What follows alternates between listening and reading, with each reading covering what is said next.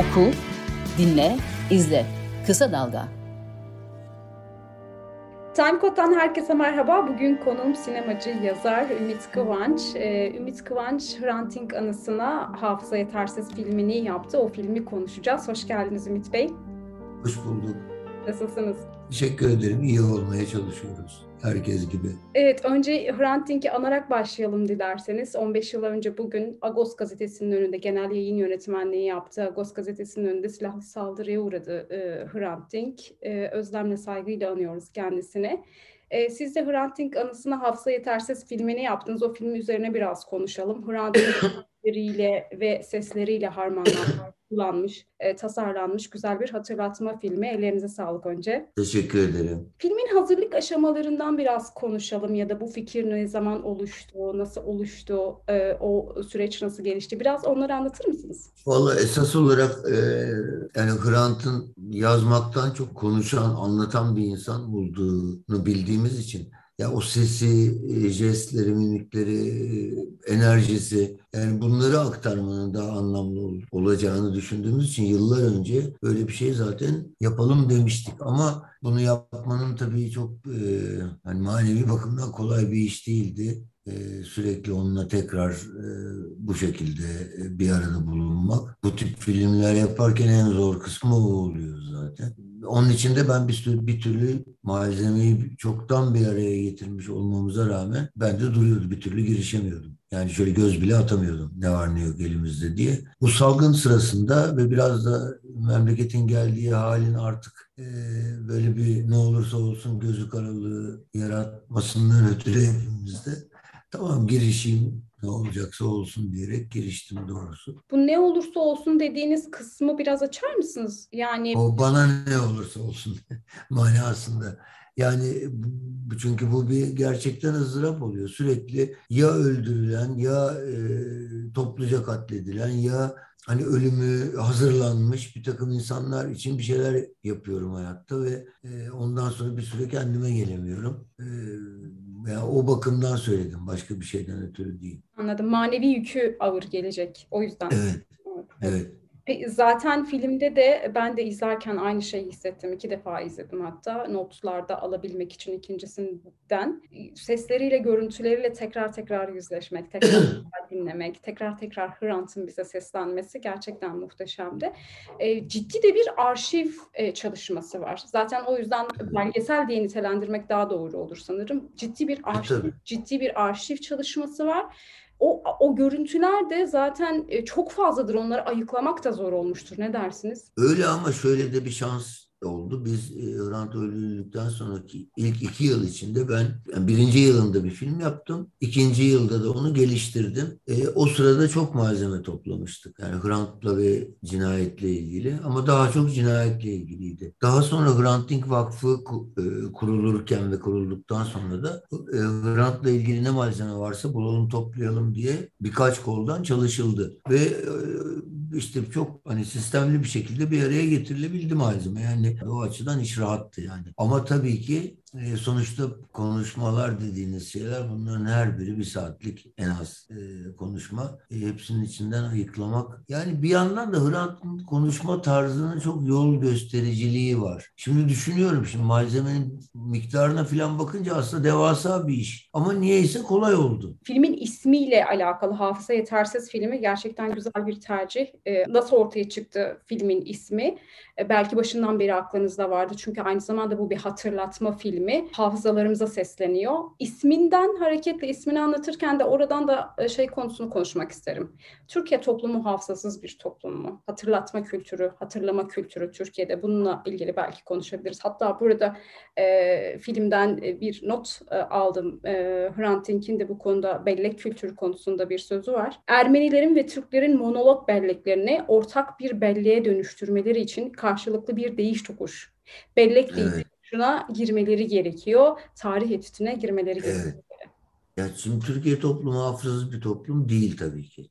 Hiçbir toplum dünyada öbürlerinden bariz biçimde farklı olamaz bu konu. Ama Türkiye'de şöyle ciddi bir sorun var. Hafızalı olmaya kalktığımızda, hafızamızı samimi olarak açmaya kalktığımızda e, ilk elde hatırlamamız gereken bir dizi olay var ama biz onları hiç hatırlamak istemiyoruz. Sadece biz hatırlamak istememekle de kalmıyoruz. Başkalarının hatırlamasını da istemiyoruz. Şimdi bu ülkenin kuruluşunda e, çok ağır bir takım suçlar, günahlar var. O, o dönemde, dönemlerde diyeyim hatta işlem. Son yüzyılda Osmanlı'nın ve e, 20. yüzyılda e, işlenmiş çok büyük e, suçlar var bana göre.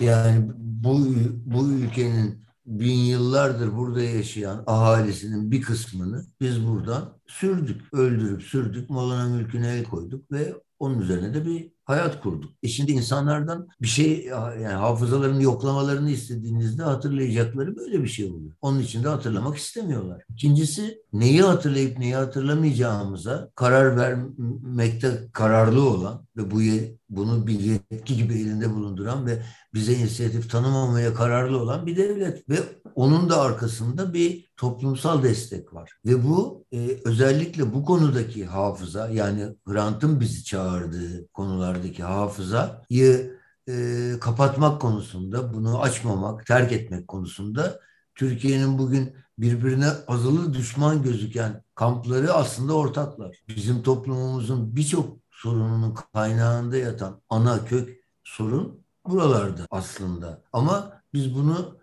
hep beraber unutmayı ve gömmeyi ve bunun üzerine hayat kurmayı seçiyoruz. Halbuki e, zamanında işte soykırıma ya da tehcire ne bileyim e, insanların yaşadıkları yerden kovalanmalarına, sürülmelerine, işte gasplara e, yakın zamana gelirsek 6-7 Eylül'lere e, filan kim öncülük etmişse onların ideolojisi ve tercihleriyle biz hala yaşıyoruz. Ve bu bugün birbirine çok muhalifmiş gibi gözüken e, kesimler tarafından paylaşılıyor. Şimdi bu çok önemli bir sorun. Bir toplumun sağlığı açısından çok önemli bir sorun. Hrant'ın sadece Ermenilere değil, Türklere de bir takım çok yapısal problemlerinden kurtulma yolu gösteriyor oluşumdaki espri buydu. Yani bunu Türkiye bunu reddetti Hrant'ı öldürerek. E, bu çok önemli bir fırsattı Türkiye için. Her ülkede böyle bir insan çıkmaz. Peki Hrant'ın dediği gibi o bellek değiş tokuşuyla ortak bir bellek, ortak bir toplumsal bellek nasıl yaratılır? Valla işte ölerek yaratılmaya çalışılıyor.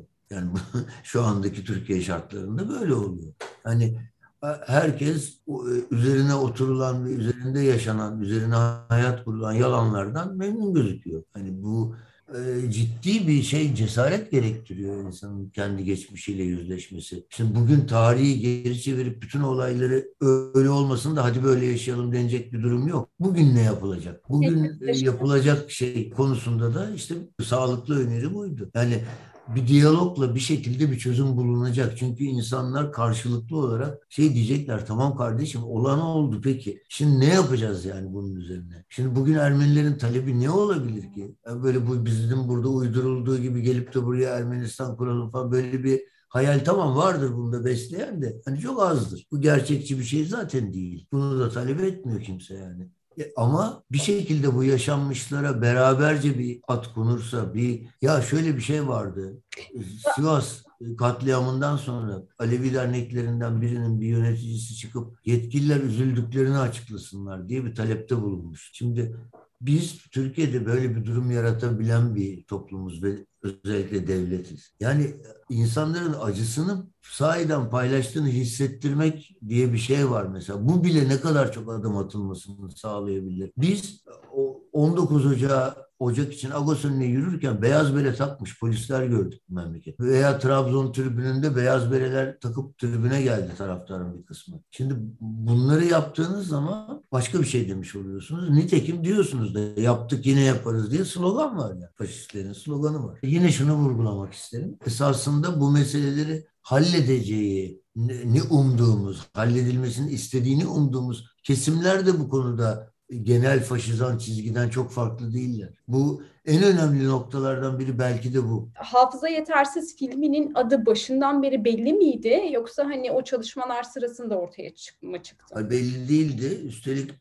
hiç isim ihtimali de aklımda yoktu. Bayağı zorlanıcı. Benim kitaplarımda da hep öyle oldu. Filmlerde de öyle oldu. Böyle hani her şey bitiyor artık çıkacak ortaya hala ismi yok. Öyle oluyordu. E, bunda şöyle bir şey oldu. İsmin kendisi yoktu ama ne gibi bir şey koyacağım bir şans eseri erken bir aşamada belli olmuştu. O da şöyle E, filmde bir sekans var. Hrant'ın e, bir yabancı televizyon e, röportajında dolgu olarak çekilmiş. Agosta masasında oturuyor, gazete okuyor böyle. O arkasında da bir tane eski Mac ekranı var, dikey açık ekran e, Hrant'ın bilgisayarlarla ilişkisi falan böyle şeydi. Pek iyi değildi yani. Onlarla e, şey kavga ediyordu. Arkada da bir ekran açık. Ekranda da e, Memory Too Low for Word yazıyor. Yani Word programını açacak belleğim yok gibi bir duyuru var orada. Ben de onu Memory Too Low for Words gibi çevirdim kafamda ve yani adamın dediklerini anlayacak hafızamız yok falan gibi bir şey böyle aklıma geldi. Sonra Türkçe'de o sözlere yeterli hafıza yok formülünü bulamadım güzel. Mesela İngilizce'de çok güzel oturuyor. Memory to low for words ama Türkçe'de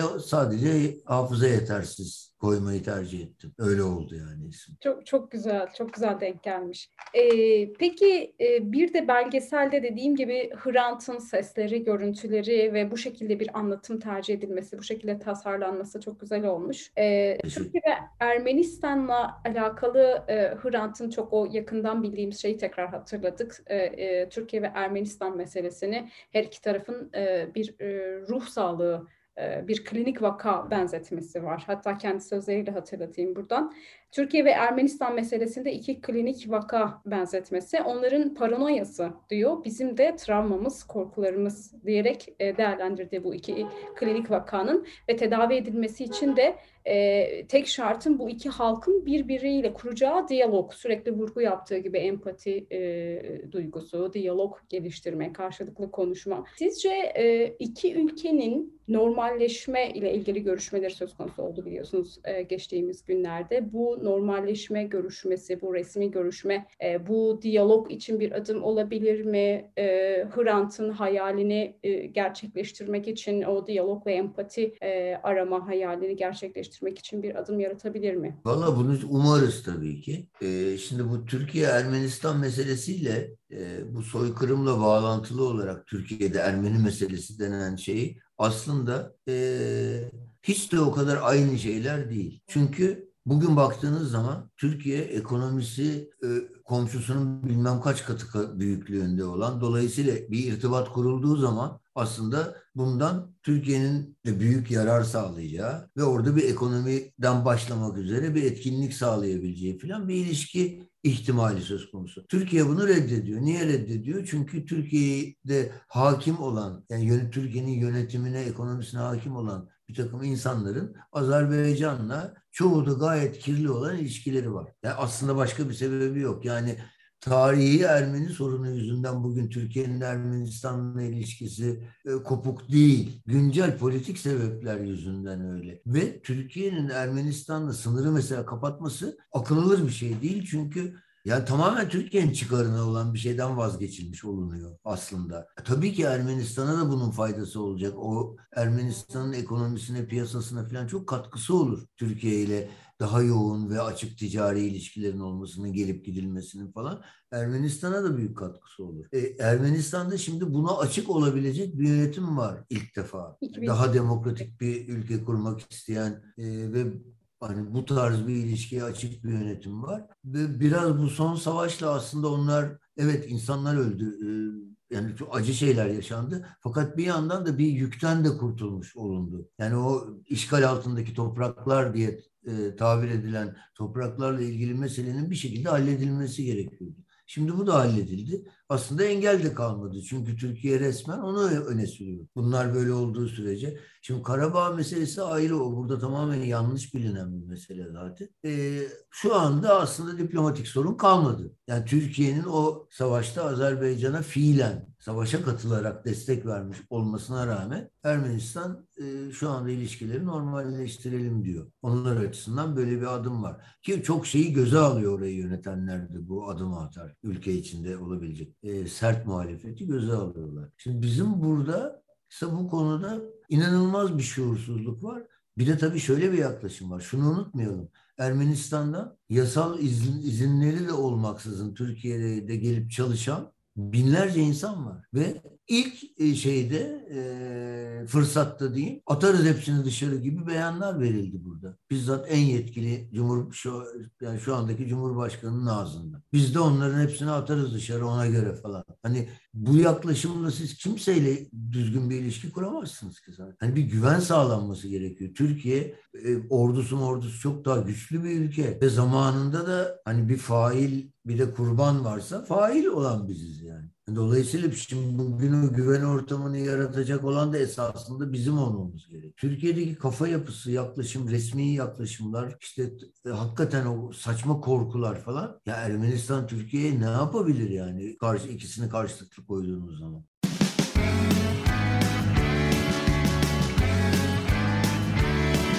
Kulağınız bizde olsun. Kısa Dalga Podcast.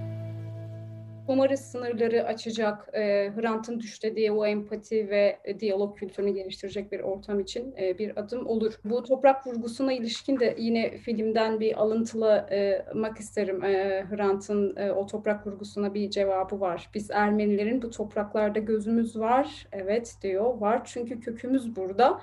E, ama merak etmeyin bu toprakları alıp gitmek için değil, bu toprakların dibine girmek için diyor. Yerlilik denip duruyor. Grant yani bugün bu konuda atıp tutan e, faşist yarı faşist insanların çoğundan çok daha yerli birisi. Bu topraklar bu topraklar diyeceksek çok daha o toprakların ürünü birisi. Filmin ana vurgusunda özellikle benim hissettiğim diğer e, başkaları ne hissederler bu filmi izlerken çok e, farklı noktalar var ama benim e, dikkatimi çeken bir birlikte yaşama vurgusu var. Neredeyse bütün konuşmalarında neredeyse bütün görüşlerini aktarırken bir birlikte yaşama vurgusu. İşte empati ve diyalogla bunu anlatırken bu vurguyu hissediyoruz. Her iki tarafın bir klinik vaka olması ve tedavi edilmesi, tedavinin de karşılıklı konuşma ve empatiyle olması, e, farklılıkların zenginlik olarak e, değerlendirilmesi gerektiği gibi birçok farklı şekilde bu vurgu var. Biraz da bu birlikte yaşama kültürü üzerine e, konuşabilir miyiz? Orada şunu e,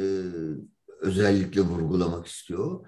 Yani birbirini dışlayan, birbirini böyle kendisine yabancı, düşman, düşmanımsı gören insanların birlikte yaşaması ikisi için de bir, hem bir tedavi aracıdır hem ikisini de daha ileri götürür, olgunlaştırır ve buradan çıkacak toplu hayat daha zengin bir şey olur. Yani ve bu, bu zaten evrensel bir ilke yani. Bizim en çok ihtiyacımız olan şey. Türkiye'de bizim yani buradaki asli unsur kabul edilen işte Sünni, Türk erkek vesaire diye tarif edilen o yaratığın kendisinden başka bütün yaratı yani Yunus'u silahla vuran bir insanlardan bahsediyoruz yani. Ya da köpeğin bacaklarını kesip bilmem hani her şeye düşman bir halimiz var. Bu çok çok sağlıksız bir şey. Bu konuya hep sanki böyle hani sırf Ermenilerin meselesi var ortada gibi bakılıyor. Öyle değil ki. Bizi de hasta eden bir şey bu. En daha başta bizi hasta eden bir şey zaten. Biz kimseyi sevmiyoruz ya. Ya yapılan e, anketlere falan bakın yani kimle komşu olmak istersiniz falan. Adam kendini tarif ediyor. Bir tek o kendiyle komşu olmak istiyor aslında. Bizim en çok ihtiyacımız olan şey bu. Ama egemen olan kültürlere bakın. Türkiye'de hangi kültürler egemen toplumda? Devletin ki, e, İslamcı çoğunluğun ki, milliyetçi çoğunluğun ki ve sol kültürümüze bakın. Hiçbirinde farklılığa en ufak tahammül yok ki. Ve herkes kendisinden farklı olanı ezerek bir kişilik kazanmaya çalışıyor. Bu, bu zaten hastalık sebebi. Ruhsal hastalık sebebi zaten. Ya bundan kurtulmanın yolu nedir? Hrant niye şeyi vurguluyor? Ya ben Türklerle beraber yaşamayı şans sayıyorum. Neden bunu söylüyor? çok şahane bir yerde yaşıyorum demek istemiyor yani aslında. Farklılıklarla birlikte olmak insanı zenginleştirir, başka biri haline getirir. Seviye sıçratır yani ona. Neden dünyanın en güçlü ülkesi Amerika yani güçlü devlet? Ben İrlandalıyım kardeşim diye İrlanda bayrağıyla İrlanda halk şarkıları söylüyor. Ama e, Amerikalıyım diyor yani. Amerika'ya da bu yüzden bir şey olmuyor. İtalyan İtalyan ama Amerikalı. Hani bu kadar farklı insan bir arada bulunmak zorunda olunca e, ona göre bir şey kuruyorlar ve o da güçlü bir şey oluyor tabii. Çünkü daha iradi bir bağ oluyor. Bizde ise tam tersi. Yok ezelden beri yok bilmem ne. Hepsi de palavra zaten. Bizim tarihimiz palavra bir kere her şeyden. Söylediklerinize e, yine Hrant'ın sözleriyle ekleme yapmak isterim filmden alıntı yaparak. Hani e, sizin de vurgu yaptığınız gibi neden Türkiye'de yaşamak bir e, Türkiye yurttaşı olarak e, ısrar ediyor? Bütün e, hassasiyetlerine ve problemlerine rağmen e, Türkiye'liyim demekte ısrar ediyor. Ben Türkiye'li bir Ermeniyim ama gerçek anlamda bir yurttaş olarak kendimi hissediyorum diyor. Bu sözler zaten filmin yarısında böyle büyük, büyük puntolarla karışık harflerle geçiyor. İzleyicilerin ilk defa belki e, o sözler geçerken okumakta zorlanabilir ama durduğumuzda Hrant'ın arkadan gelen o seslerinin de e, tekrarı, o iri puntolarla geçen şeyler. Mesela o detay üzerine de belki biraz konuşabiliriz. Güzel bir detaydı filmde ilgimi çeken. Birkaç kere geçiyor. Aslında o biraz böyle sayfa çevirme gibi bir şeyi de var onun. O, o dediğiniz büyük yazıların geçtiği planlar hani biraz böyle bir sayfa çevirme hani bir kitaba benzetirsek sayfa çevirme gibi bir işte de görüyorlar. Ee, onun işte hızını da ben biraz şey ayarladım. Böyle hani aradan kelime kapabiliyorsunuz. Hepsini okuyamıyorsunuz ya seyrederken. Ee, bir de bir e, bıçak sırtı vurgusu vardı. O da yine e, filmin başında ve orada görün oradaki görüntüyle bir ip cambazı e, evet. e, siyah görsel geliyor. Oradaki görüntüyle de çok örtüşen e, bir vurgu. Ee. Uçak sırtında olmayı tercih ediyorum çünkü öbür tarafa gidersem Ermenileri üzeceğim. Bu tarafta kalırsam belki. Türkiye'lileri üzeceğim.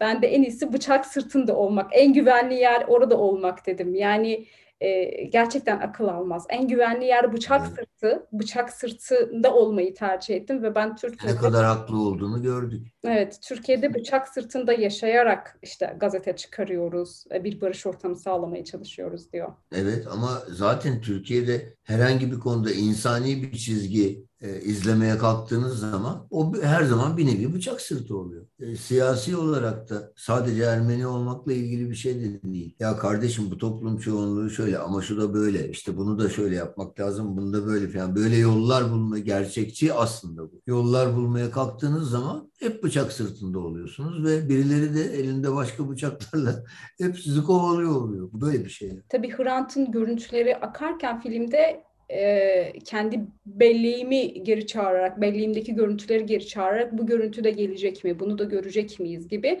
e, beklentilerle de böyle bir bir sonraki adımda gelecek görüntüyü tahmin ederek de biraz ilerledim. Hrant'ın öldürüldüğü an o sokak ortasında e, bu benim bu görüntüyü ben hiç kullanmadım hayatımda. E, onu soracağım. E, belki de ya bu, bu bunun üzerine bu kullanmamanızın altında çok neden vardır. Çok bilinçli bir tercih olduğu çok belli zaten e, neden kullanmadığınız e, ve e, izleyicilerin de bu görüntüyü bekliyor olma duygusu. Çünkü orada da çok masum bir şeyler yok aslında. O görüntü bizim hafızalarımıza kazındı. Hrant'ın yerde yatan cansız bedeninin bekletildiği ve işte ayakkabılarının altının delik olduğu o görüntü. Yani bunun da hafızalarımıza kazınmasının nedenin de bu kadar masum olduğunu düşünmüyorum ama sizin de belki... Bence çok haklısınız. Ee, hiç masum bir şey değil. Üstelik iyi bir şey de değil. Yani Hrant tabii ki kendisine ayakkabısının altını yaptırabilecek ya da yeni ayakkabı alabilecek durumu vardı yani. O bir çeşit öyle şey. Onu önemsemediği için öyle kalmış. Allah bilir evde kimse görmediği için birisi görse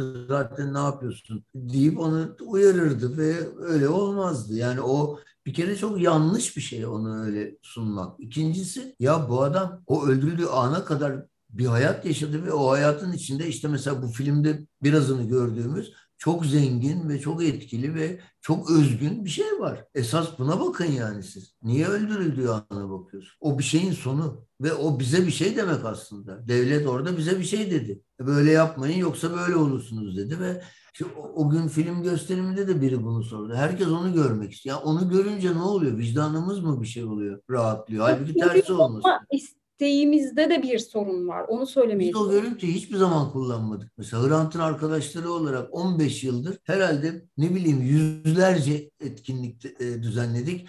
Artık kaç tane böyle küçük çağrı filmler ne yaptığımı bile hatırlamıyorum. Hiçbir zaman o görüntüyü kullanmadık yani.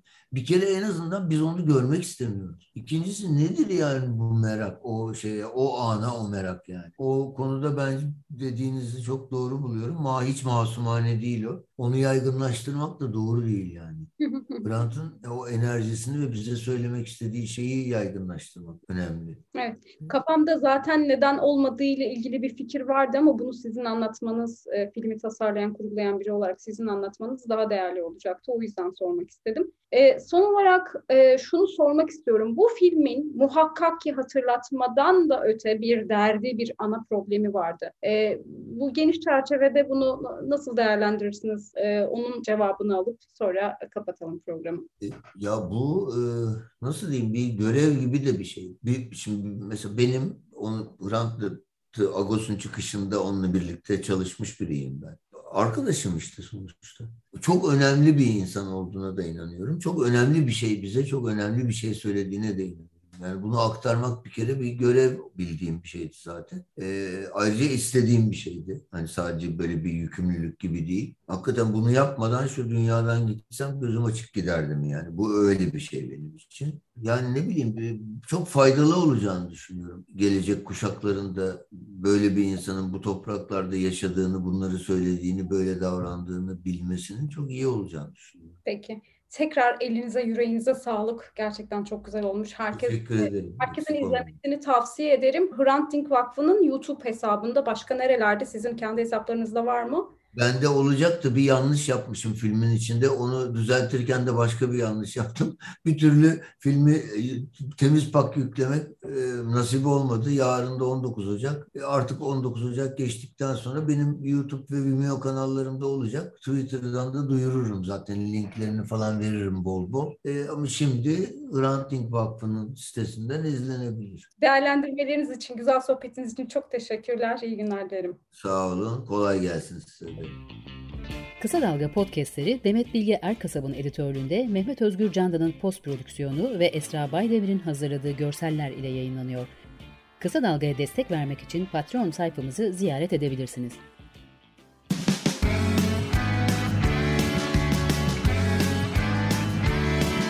Kulağınız bizde olsun. Kısa Dalga Podcast.